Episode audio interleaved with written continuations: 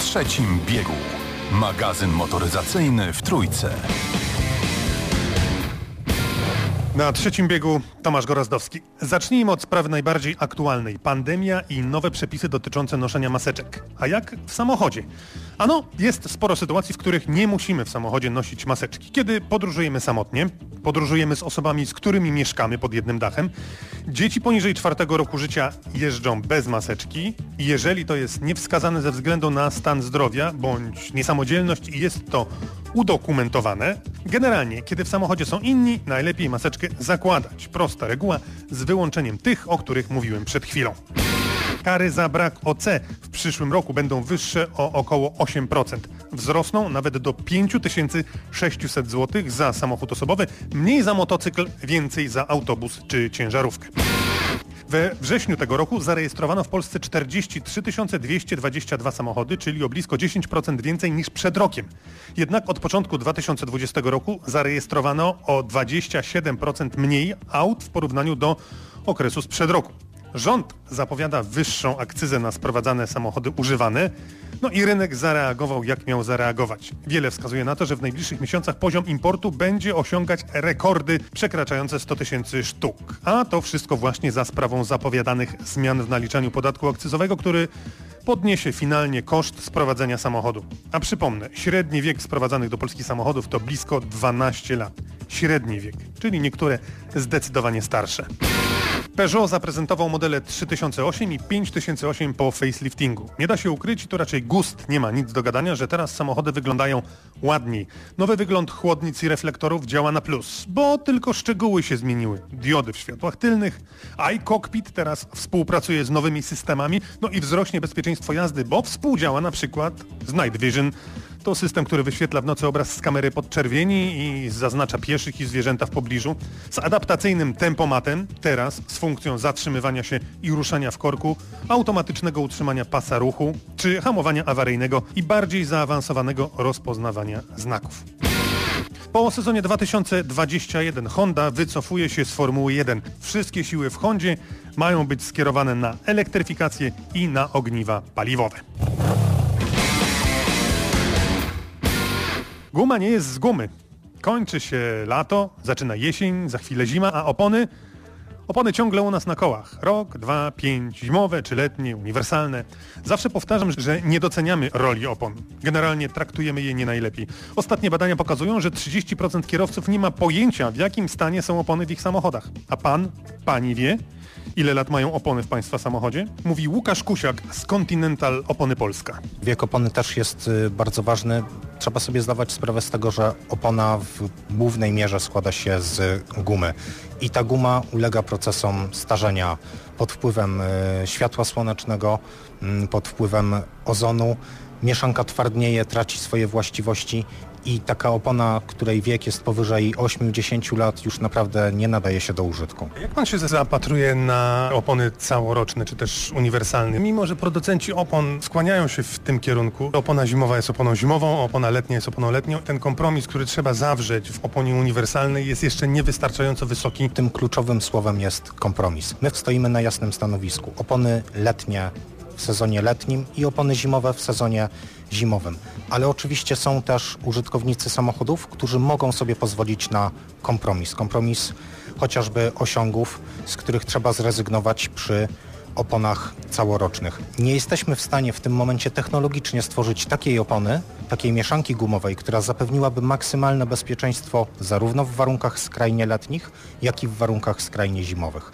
Ale oczywiście dla tych wszystkich, którzy potrzebują używać opony całosezonowej, my także mamy w ofercie oponę całosezonową i polecamy ją pod pewnymi warunkami. Przede wszystkim jazda w mieście, samochody o małej mocy, no i dla zachowania y, pełnego bezpieczeństwa możliwość zrezygnowania z używania pojazdu i na przykład y, wybór komunikacji miejskiej. Dla wszystkich tych, którzy potrzebują samochodu do pracy na co dzień i muszą go używać, my jasno zalecamy opony letnie w lecie i zimowe w zimie. Trzeba wziąć y, pod uwagę to, że opona w lecie musi pracować na przykład w skrajnych warunkach pogodowych, czyli temperatura asfaltu w okolicach 50 stopni Celsjusza. Opona zimowa musi pracować w skrajnie zimowych warunkach minus 40 stopni Celsjusza.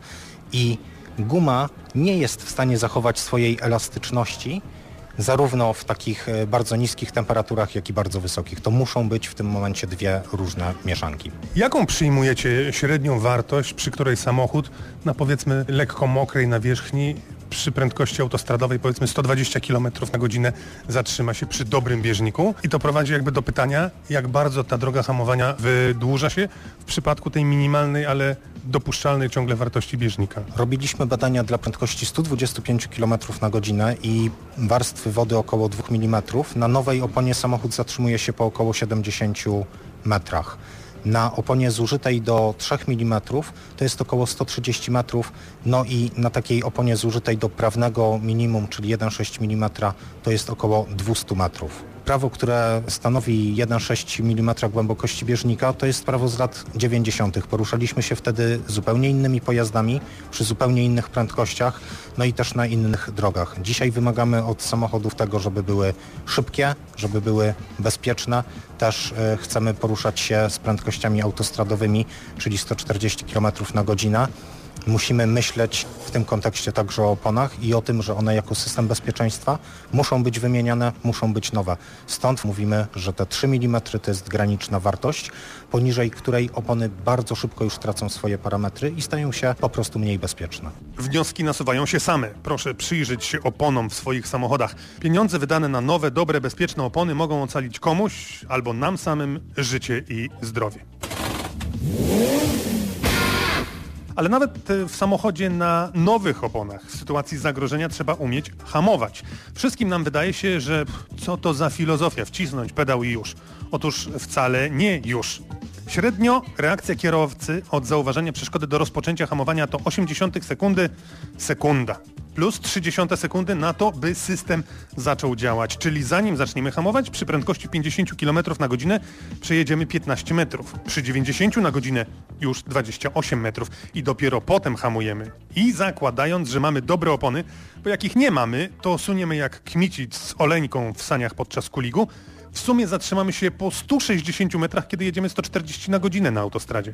Proszę policzyć, przejść się, ile to jest 160 metrów i może niektórym z nas natychmiast odejdzie ochota na jeżdżenie na zderzaku, za blisko poprzedzającego nas samochodu. Nowoczesne samochody robią wszystko, by nam pomóc w hamowaniu, ale nie wolno im przeszkadzać. ABS, BAS, ESP Mówi Przemek, instruktor szkoły jazdy Mercedesa. Klub programu jest e, ta cecha ABS-u, dzięki której my możemy skręcać w procesie samego hamowania. To dzięki budowie i zasadzie działania ABS-u nasz pojazd nie doprowadza do zablokowania się kół, czyli one mają stałą toczność i dzięki temu właśnie możemy wykonać wielokrotną zmianę kierunku e, podczas manewru hamowania. Coś, co w pojazdach bez ABS-u kiedyś było niemożliwe. E, wszyscy chyba w pewnym wieku pamiętamy proces hamowania przerywanego, który kiedyś nazywano pulsacyjnym, a to nie to samo. Dzisiaj ABS e, współczesny już jest bardzo szybki, bardzo precyzyjny i mówię, pamiętajmy, uczymy też naszych kursantów, by mogli operować kołem kierownicy w tym trudnym procesie, jakim jest hamowanie awaryjne. ABS znamy, a BAS?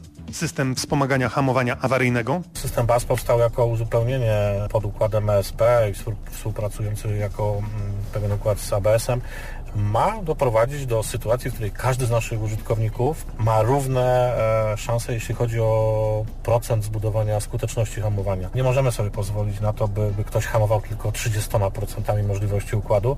BAS e, oczywiście uruchomiony, e, czyli zdecydowana reakcja kierującego użycie w ten, a nie inny sposób pedału hamulca wzbudza bas i bas nam pomaga.